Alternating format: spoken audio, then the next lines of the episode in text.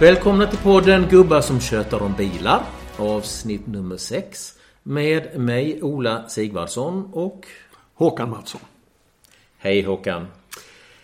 Eh, du, eh, när man pratar om eh, bilar så är det ju så att man kommer inte från frågan om drivmedel. Nej, vi är ju så lyckligt lottade du och jag att vi nu kör elbilar. Men det vi skrattar absolut. hela vägen till kontakten. Ja, mm, ja, nåja, elpriserna är ju som de är också. Men jag menar, det är ju en total dominans för fossilbilar och de ska ju då tankas med bensin och diesel. Och där har du ju, in, eh, både bensin och dieselpriserna har ju det senaste året rasat iväg på ett sätt som man inte trodde var möjligt. Nej, enkelt. nej, och på 30 kronor för diesel. Det är ju liksom osannolikt. Ja. Men då fanns det ju ändå politiska partier som lovade att nu ska vi sänka dieselskatten. 10 kronor. Bensinskatten med 10 kronor. Ja, det var några lite olika bud var det ju. Ja, Nå tror Moderaterna ville 5 och Sverigedemokraterna 10 eller någonting Ja, KD 6,50 tror jag. Det, ja. liksom, någonstans där mitt emellan. Men det var ju ändå stora sänkningar som utlovades. Och som också kan ha blivit lite grann i tungan på vågen på det oerhört jämna val som vi ju hade i, i, i, september. Det tror jag absolut. För, för väldigt många människor är ju det här en laddad fråga. Eh, inte minst på landsbygden. Där Sverigedemokraterna till exempel är hyfsat starka redan. Mm. och eh, nej men jag tror att, att det, där, eh, det där kan ha varit en avgörande fråga i valet. Och därmed så bäddade man ju samtidigt för den, den debatt om, om, om alltså, att vallöftesbrott som, som ju pågår som bäst. Det fanns ju en annons där Sverigedemokraterna sa Imorgon kan du rösta för en bensinskattesänkning på 10 kronor. Jaha, och mycket blev det? Ja, det blev då vad det gäller bensin inklusive moms eh, 14 öre. Och diesel 41 öre. Så det var ju en bit ifrån de här eh, vallöftena för att uttrycka det hela milt. Och, mm. eh, det är lite intressant att eh, vi som gillar att hacka på våra förra kollegor att ingen politisk journalist eller någon journalist ställde den enkla frågan till de här som kommer de här löftena. Och vad skulle det här, skulle det här ha kostat? Och jag lyssnade en gång på Fredrik Fortenbach som är ju en klok person. Eh, kommentator. Radio. Ja, politisk kommentator på Sveriges Radio. Han sa att det här är en effekt av pandemin. För före pandemin och det kom några sådana här löften. Då frågade alla politiska journalister. Jaha, vad ska det här kosta då? Under pandemin blev det liksom okej okay att ösa ut pengar för vi skulle ju rädda samhället och ingen brydde sig om liksom vad det kostade. Stöd till företag, stöd till ingen. Det var aldrig någon som ställde frågan. Det kanske var legitimt då. Mm, nej men aldrig har väl miljarderna rullat i sådana hastighet nej, som då. Nej. Mm. Men nu verkar det som de har glömt bort det här. För att jag tycker de skulle naturligtvis ha ställt den frågan. Jaha, sänka bensinskatten med 10 kronor. Vad kostar det? är ju en bra fråga. Ja, alltså man kan ju inte ens gissa men det. Det låter ju som att det skulle vara astronomiska belopp. För här har de ju ändå, för att uppnå 14 och 41 öre eller vad det var, så har de ju ändå satt in ett antal miljarder. Väldigt mycket. 6,7 miljarder som är en av de absolut största posterna i budgeten. Ja. Och ska man då uppnå eh, tio gånger så mycket eller någonting i den stilen? Ja. Jag bad en expert om de här uppgifterna. Det är inte så enkelt det här för det är ganska snårigt att räkna ut. Men han skriver ändå, jag tror vi ska skydda hans identitet här ändå, men han kan det här. Att enkelt uttryckt så kostar det 6,6 miljarder per år att sänka både diesel och bensinskatten med en krona. Skulle man då sänka med 10 kronor då blir det 6,6 eller 66 miljarder. Och bara som en jämförelse så är den svenska försvarsbudgeten 76 miljarder. Så att här utlovades alltså en bensinskattesänkning i nivå med hela den svenska försvarsbudgeten. Och det var ingen som ställde frågan innan, men hur ska ni kunna göra det? Mm. Ja. Men vad, vad, tror du att det här liksom får för betydelse då? Alltså den, den här, den här svekdiskussionen? Ja, jag tror ju att det kan skada Sverigedemokraterna. Eftersom de hade en väldigt eh, alltså, hög svansföring i den här frågan. Nu försöker de ju ta sig ur det här genom att skylla på Liberalerna och de som bromsade. Men jag tror att det finns en stor besvikelse bland många sverigedemokratiska väljare. För det här var en sån viktig fråga för dem. Eh, och bensinupproret är ju eh, väldigt upprörda. Miljövännerna väldigt upprörda. Och Elisabeth Svantesson, vår finansminister, säger att ja, men då kanske det är en bra budget då, eftersom alla är arga. men vad tror du? Jag tror att Sverigedemokraterna kan få en en broms åtminstone. Ja, det, det, är faktiskt vad jag tror också. Jag läste en intressant ledare, jag tror det var Expressen häromdagen, som faktiskt argumenterade för att med det som händer nu med den här svekdebatten så kan det vara så att Sverigedemokraterna pikar, alltså på den politiska mm. arenan. Mm. Ja. Och det är ju inte helt ovanligt liksom att, att den typen av, av partier, som man nu får kalla dem för populistiska, eh, når upp till ungefär den nivån innan eh, det börjar gå tillbaka igen. Mm.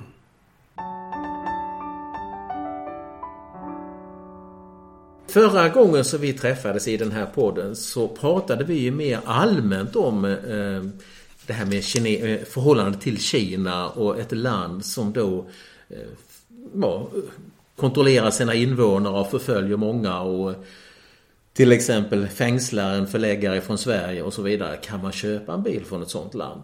Och vi kom väl då fram till med viss tveksamhet att ja, det är klart man måste kunna göra det.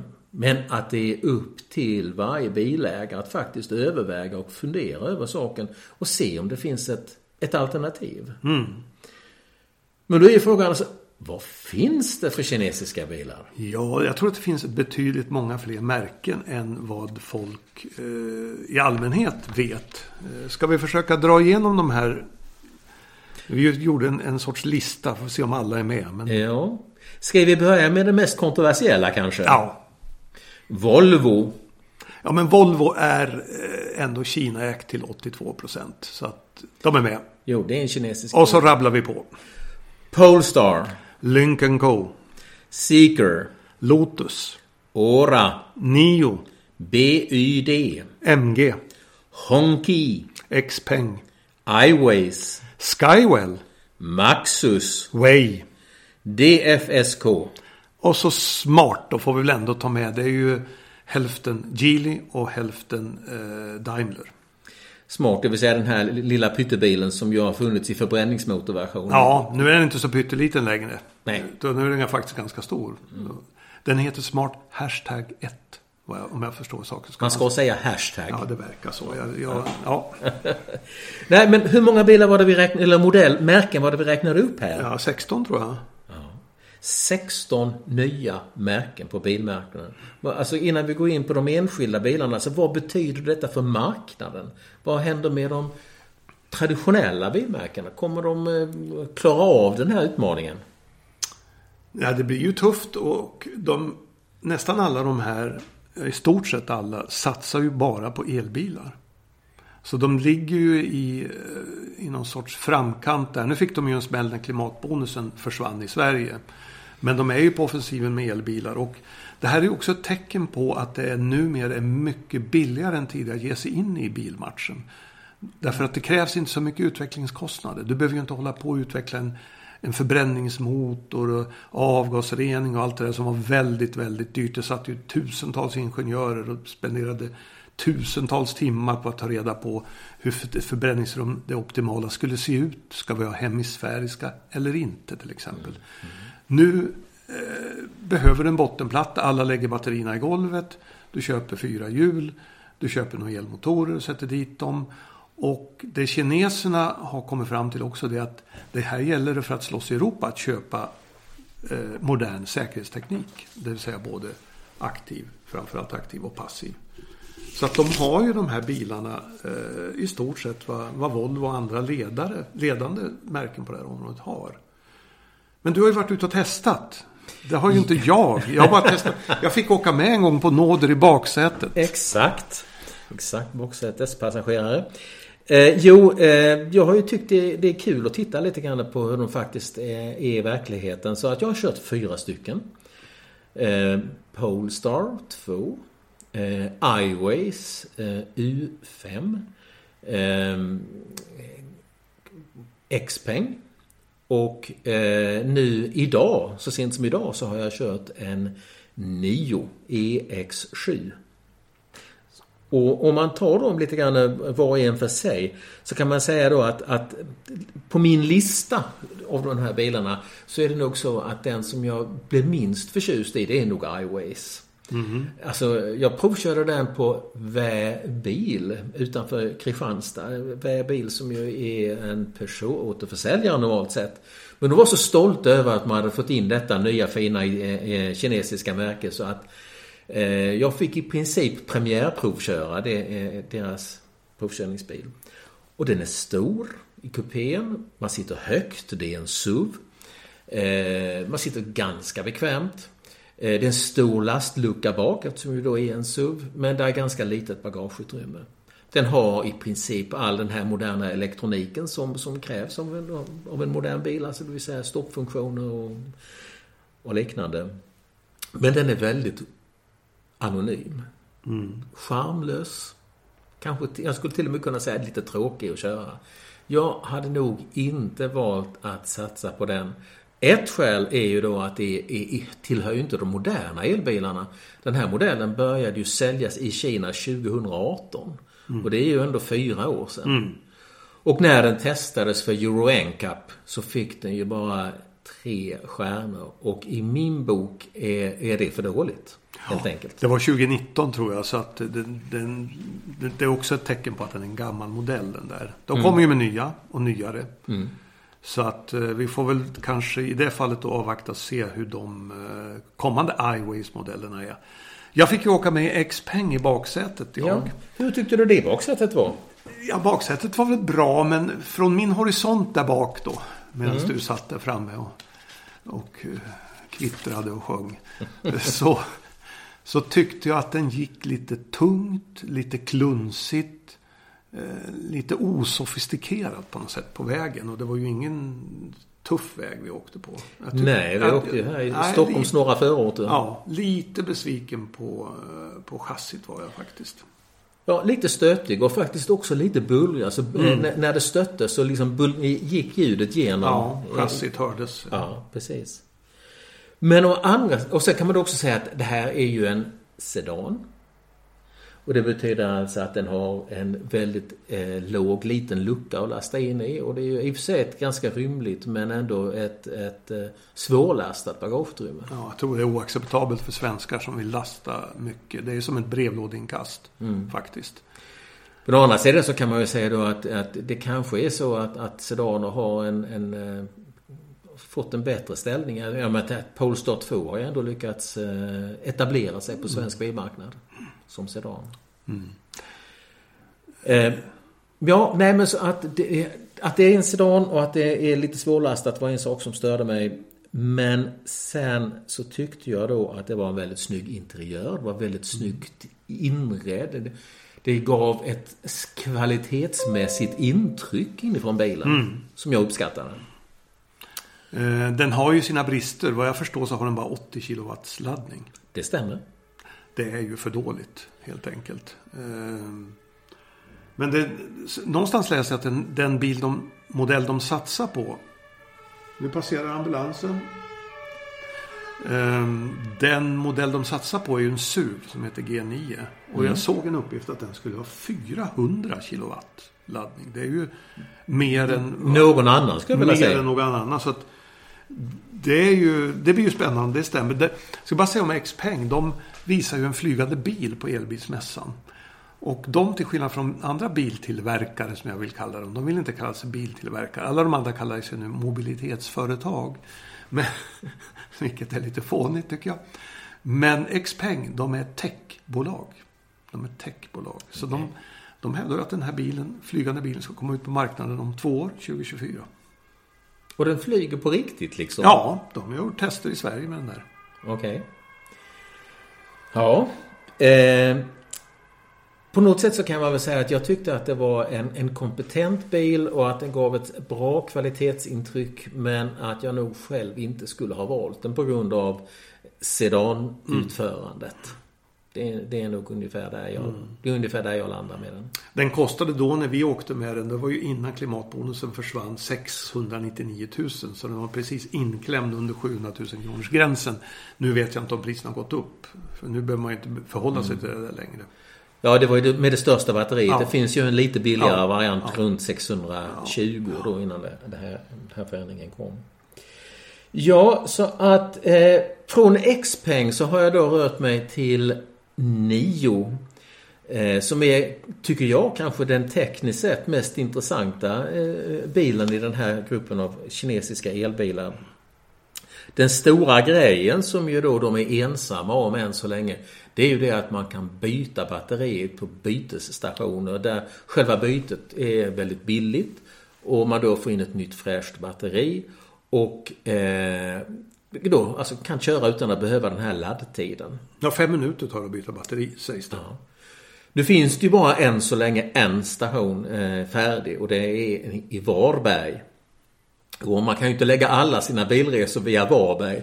Så man får ju hoppas att de eh, kommer loss och bygger ut. För att, för att det här konceptet ska vara vinnande och framgångsrikt så måste det finnas sådana här utbytesstationer på några ställen längs E4 och E6 och både norrut och söderut på E4 till exempel. Ja, när man säger Varberg, ja det är ju sant, men den ligger ju vid E6 så vitt jag förstår. Eh, de säger till mig att det ska byggas tre stationer här i Stockholm ganska snart. Så att, eh, och sen kommer Göteborg och Malmö efter också. Så att det, det, det rullar väl på.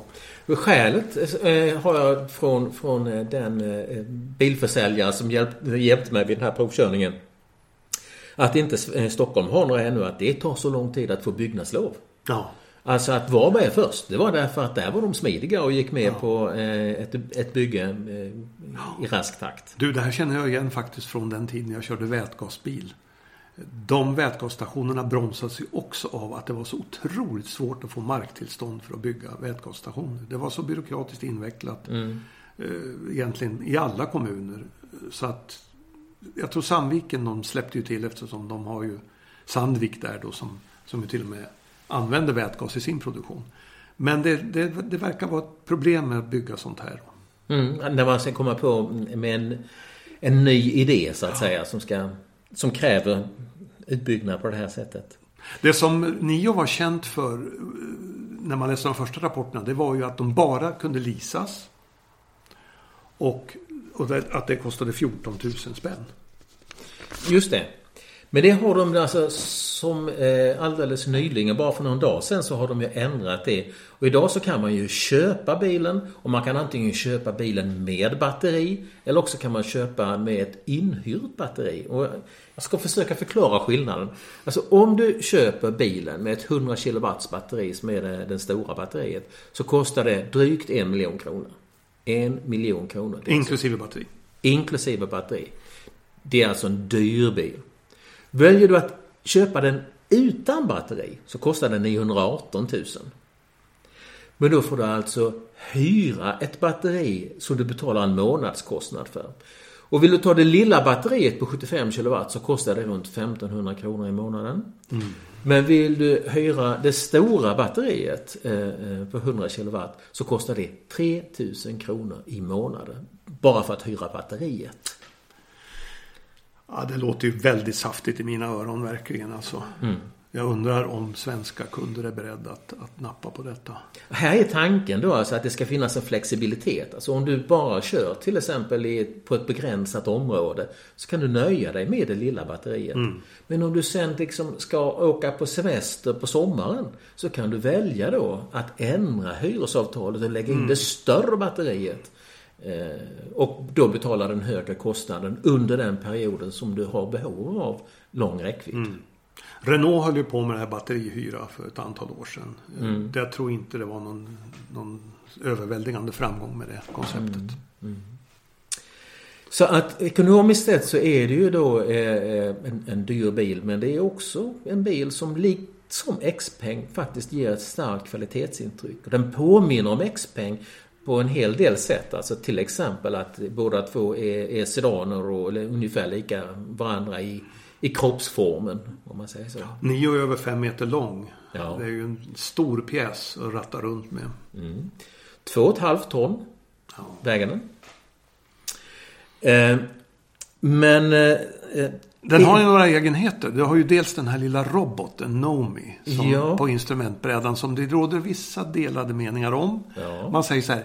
Hi Naomi, säger man. Och då, då, vänder den liksom på huvudet och så ler den och tittar på en. Och lite förväntansfull ser den ut och då, då säger man Play Radio.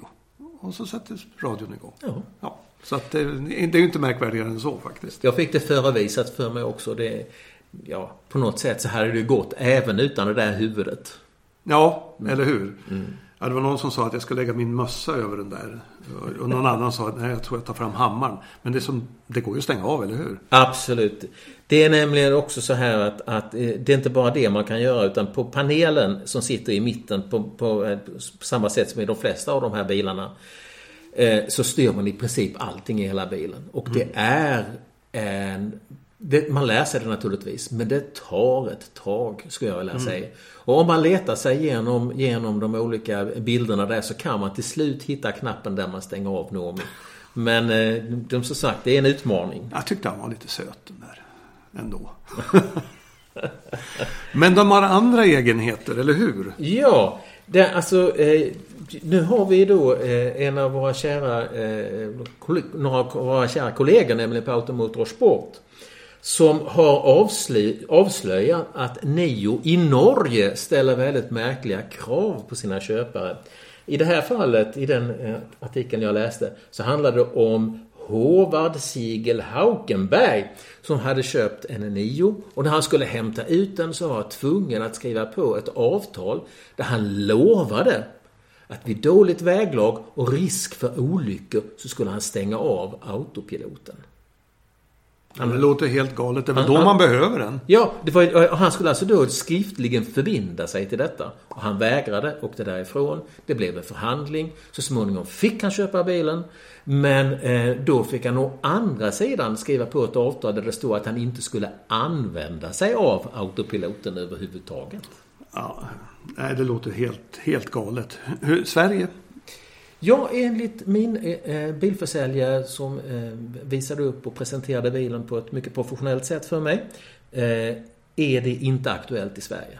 De har redan sålt och levererat några få enstaka bilar och i samband med de försäljningarna så har det inte eh, krävts att man ska skriva på ett papper. Så att det är, det är en Norge-historia. Ja, men konstig. Eh, konstigt, mm. konstigt sätt. Eh, Nio har ju vunnit det här ganska prestigefyllda priset Golden Elenkerat i Tyskland för den här Nio ET7. Mm. Som du körde. Så I medium and upper class category. Mm. Eh, och det är ju lite imponerande i sig därför att, eh, att en tysk tidning då utser en kinesisk bil som vinnare i den här klassen där det finns en massa tyska konkurrenter. Det är ju Anmärkningsvärt. Anmärkningsvärt ja. skulle jag vilja säga. Men du, ja. en, en av bilen, innan vi lämnar Neo så kan man säga att de, de har ju eh, det som kallas för en lidar på taket. Ja. Som, som ju är någon form av radaranläggning. Ja, det är en laserradar. Ja, det, den är ju, det är ju exakt samma grej som Volvo EX90 har. Ja. På exakt samma ställe på taket. Exakt. Och här då så eh, fick jag berättat för mig att den här gör flera olika saker. Det ena är att den 650 meter framför bilen avläser vägbanan, om man nu kan mm. se vägbanan så långt. Och anpassar luftfjädringen som bilen har till, till hur underlaget ser ut. Den kan dessutom avläsa när det kommer upp sånt som, som, som, eh, som man måste väja för. Alltså älgar och renar och hundar och folk som har trillat på cykeln och sånt där. Och så, mm. och så kan det då bromsa bilen automatiskt. Det som jag tyckte var lite intressant det var det att man säger att alla de här funktionerna fungerar upp till 650 meter framför bilen. Jag minns ju när eh, Volvo EX90 e presenterades och de, de presenterade sin fina LiDAR. Då talar man om 250 meter. Ja. Och det är ju en ganska betydande skillnad. Ja.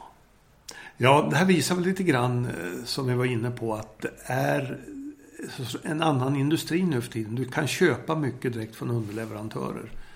Eh, sen kan man diskutera då vem som gör den bästa mjukvaran och Volvo kommer säkert att hävda att de har utvecklat sin mjukvara mycket mer.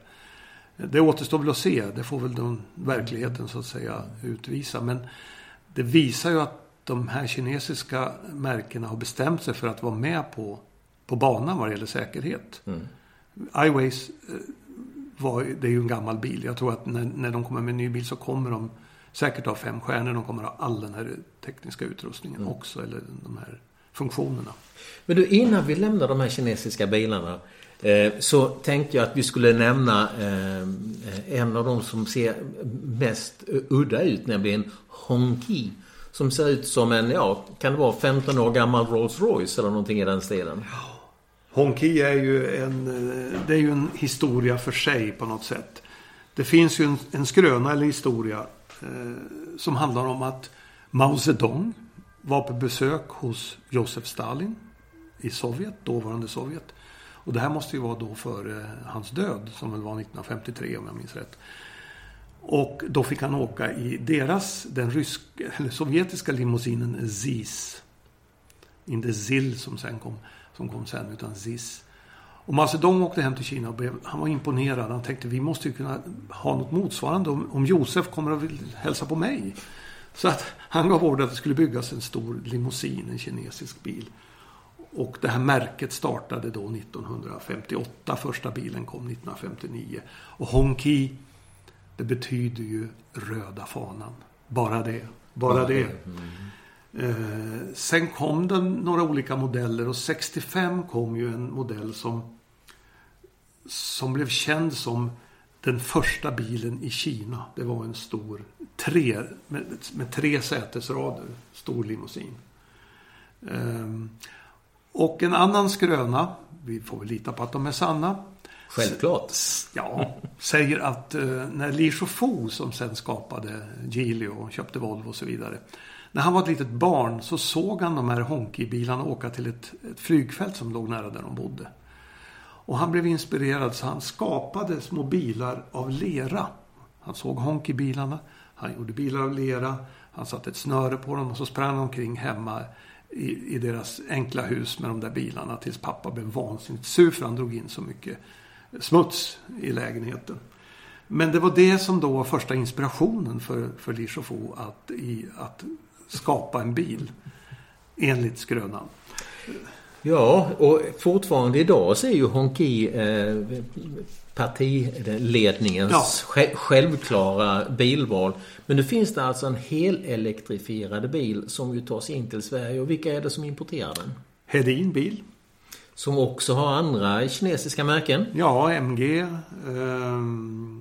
BYD mm. till exempel. Alltså BYD är ju intressant också på de, de de har ju så mycket batteriteknik och de satsar på att bli världsledande på elbilar faktiskt. Eh, uttalat mål.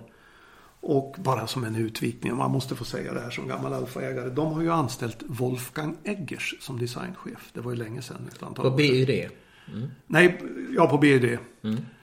Och det var ju han som ritade Alfa 8C, eller 8C som vi säger i Italien. Den av de absolut vackraste bilar jag vet. Men han är, och det här är lite typiskt. Att de här kinesiska märkena minns att vi har inte designkompetensen. Vi köper en massa kompetens. Vi tar över designer från väst. Så var det väl med Nio också vad jag förstår. Att, eh... Ja, det var en, en designer baserad i München som, som hade ritat den mm. enligt, enligt uppgift. Mm. Men du, det är ju inte bara de, det, det här märket, eller BUD, som, som har detta. Utan eh, jag menar vi har ju MG som ju är en gammal, eh, ett gammalt engelskt bilmärke som mm. nu är kinesiskt. Och så är ju Lotus på gång. Lotus är, är ju nu ett märke i den här stora Geely-gruppen. I vilka ingår nu i Geely-gruppen? Volvo, Polestar, Lincoln Co, Lotus, Seeker. Jag har säkert glömt någon. Eh, Halva smart. Ja, jag har ju glömt om alla deras kinesiska märken. Mm. Det, det, finns ju där borta ett, ett antal olika. Mm. Men de som vi känner till här. Och det, Lotus är intressant för de marknadsför ganska hårt nu sin elbil. Även i Sverige. Elettre. 1 130 990 kronor. Den ser ju väldigt frän ut tycker jag. Jag tror att Peter Horbury som är designchef på Volvo verkligen har haft ett finger med i det där spelet. För han har jobbat mycket med Lotus. Den ska ju tillverkas i Wuhan i Kina. Det är alltså inte i, i Storbritannien om man Nej, säger så? och jag menar Lotus är ju, åtminstone för mig, det är ju så otroligt urbrittiskt märke. Det, kan, det, det är ju liksom i klass med de Rolls-Royce, Bentley. Verkligen, mm. om inte ännu mer. Det är ju Colin Chapmans gamla, mm, mm. gamla märke. Jag undrar hur kommer köparna att reagera på det? Kanske är det så enkelt som att det är nya köpare som kommer till Lotus nu. Och vi andra, vi får köpa någon gammal Lotus Elan från 60-talet och tuta runt med liksom. Men ja, det känns ändå liksom svårt för oss, för mig som är äldre att, att bara tugga i med att ja, plötsligt så är Lotus en stor SUV eldriven som ska göras i Kina. Ja, nej, men jag tänker på Ronnie Pettersson och Formel 1-bilarna ja, ja, så, som, ja, som Lotus gjorde. Mycket speciella. Men du, eh, då eh, lämnar vi de kinesiska bilarna Ja, för dagen. om vi inte ska säga något mer om Geely. Det är ju intressant att så många märken som har växt i den här gruppen, hur stora mm. de har blivit. Och hur, eh, hur de nu attackerar då Europa. Den, det, det nyaste märket är väl Seeker med Z som kommer under 2023. Eller om det är till, till Sverige? Till Sverige. Mm. Eh, det är också lite lustigt hur man är i Kina. Det visas ju en konceptbil en gång i tiden som heter Lincoln Co. 01. Och den var ju jättefrän tyckte jag. Och så gick det fyra månader. Och sen började den tillverkas som Seeker 001. Sen, man kan, om man tittar på den, det kan man roa sig med, så, så är bakljusen väldigt mycket Lincoln Co. bakljus. Mm. Till exempel. Men där bara bytte de varumärket.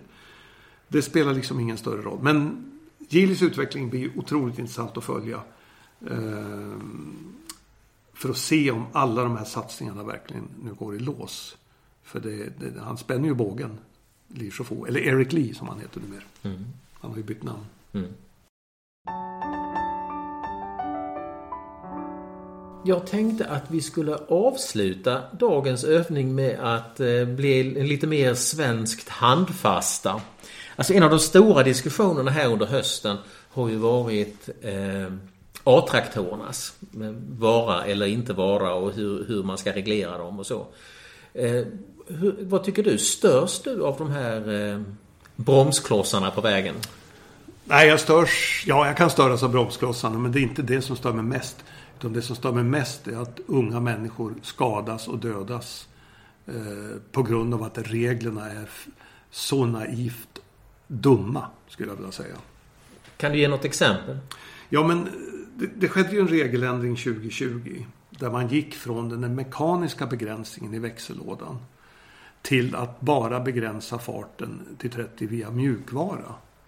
Och jag tycker inte man behöver vara särskilt, eh, jag vet inte vad jag ska kalla det, men liksom... Nej. Ja, men man behöver väl inte vara... Det, att ungar skulle börja hacka de här bilarna och se till att den där spärren upphävdes. Det var, tyckte jag var självklart. Det är klart de gör det. De kan ju det dessutom. Så att nu kör de ju med, med snabba bilar. Jag läste någonstans att det finns 103 Porschar som är eh, A-traktorer. Ja, jag såg en sprillans ny Range Rover med den här röda triangeln i, i bakfönstret eh, på Karlavägen för någon vecka sedan. De kallas ju överklassmoppar de här. Mm. Alla de här Range Rovern och Porscharna och sånt där. Och då säger då myndigheten, ja men det är så bra att göra så där för då kan man ha en tillfällig begränsning och sen när de då har växt upp eller när bilen säljs så kan man ta bort den där spärren och så är det en vanlig bil igen. Och visst, man kan tycka att det är bra att man sitter i en riktig bil med krockkuddar och allt det där jämfört med någon riktigt gammal liten A-traktor. Absolut. Men problemet är ju att farten dödar ju faktiskt. Eh, och de kör väldigt mycket för fort, väldigt många av dem. Polisen har ju gjort olika sådana utredningar. Det är ju mer än hälften, kanske två tredjedelar som är manipulerade när de gjorde en, en, en koll i Västsverige. Så att de kör för fort med de här och de är inte vana och de har inte bälte på sig. Eh, de kanske aldrig kört en, en bil eller ett fordon med fyra hjul innan de sätter sig i en sån här. Men vad tycker du, vad, vad skulle man kunna göra åt? Ja, man måste ju börja med att alla fall se till att de har vinterdäck och bälten och sådana här saker. Och sen måste man göra det svårare att ta bort den där hastighetsspärren. Det är inte rimligt att man kör så fort när man är så ung. Finns det en mjukvaruväg tror du att göra det? Eller måste man gå tillbaka till ja, det här gamla det, med växellådan? Det är svårt att säga. Det är svårt att säga. Nu har ju den här trenden blivit så stark och så långt. Det finns ju 50 000 sådana här nu i Sverige. Det, är ju, det har ju fördubblats på, sedan 2019. Så att det, det, är ju svårt att bromsa och gå tillbaka naturligtvis. Men jag tycker att någonting borde man göra förutom de här uppenbara sakerna som bälte och sånt. Ja, en sak som jag funderar på är alltså man skulle ju kunna tänka sig att man eh, låter ungdomar ta körkort från 16 år och så, så, eh, så, att de kan köra riktiga bilar. Och så förbjuder man alla A-traktorerna. Mm. Det kan ju komma ett förbud, vi kan återkomma till det, från EU som säger att det duger inte med ett sånt här moppekörkort för att köra de här bilarna. Mm. Utan det, det, krävs andra saker och andra, ett annat körkort. Och då, mm. då ställer sig frågan på sin spets. Liksom. Då, då kan de ju dö, dödas de här fordonen för, för 16-åringar. Mm. Jag lanserade en gång i mitt tidigare liv som journalist den fantastiska idén eh, i en kvällstidning jag jobbade på.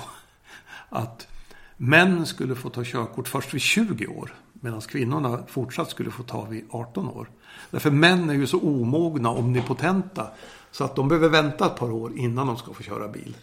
Där hade vi en stor artikel om och så hade vi sån där Ring ikväll och säg vad du tycker. Ja, bifall från läsekretsen kan jag tänka mig. Jag tror telefonväxeln brann upp faktiskt. var, jag fick inte med mig så många på den där tanken. Men det ligger något i detta att, att unga killar eh, är inte de bästa fordonsförarna, bilförare och traktorförarna. Mm. För att de har... Ja, de, jag tror inte de är riktigt riskmedvetna helt enkelt. Ja, det kanske är ett tungt argument mot min tanke att man skulle gå den andra vägen och sänka körkortsåldern. Jag menar, så som jag tänkte det så har man ju ändå sagt att 16-åringar på något sätt ändå är bilmogna eftersom man faktiskt låter dem övningsköra. Ja, det är sant. Men då har de ju med sig någon. Ja. Men eh, jag menar om man gör ett säger att de måste, det krävs ett riktigt körkort så kommer de i alla fall att bli utbildade på ett riktigt mm. sätt. Men jag tycker ändå den där regeländringen är liksom ett, ett av många exempel på svensk naivitet. Att vi tror att det kommer att gå bra. Mm. Och det kan vi ju räkna ut att det kommer att sluta med fler skadade. Mm. Och tyvärr också döda. Om man... Ja, när man nu släppte på den här, gjorde den här regeländringen så att det blev så enkelt att manipulera fordonen som det är. Mm, absolut.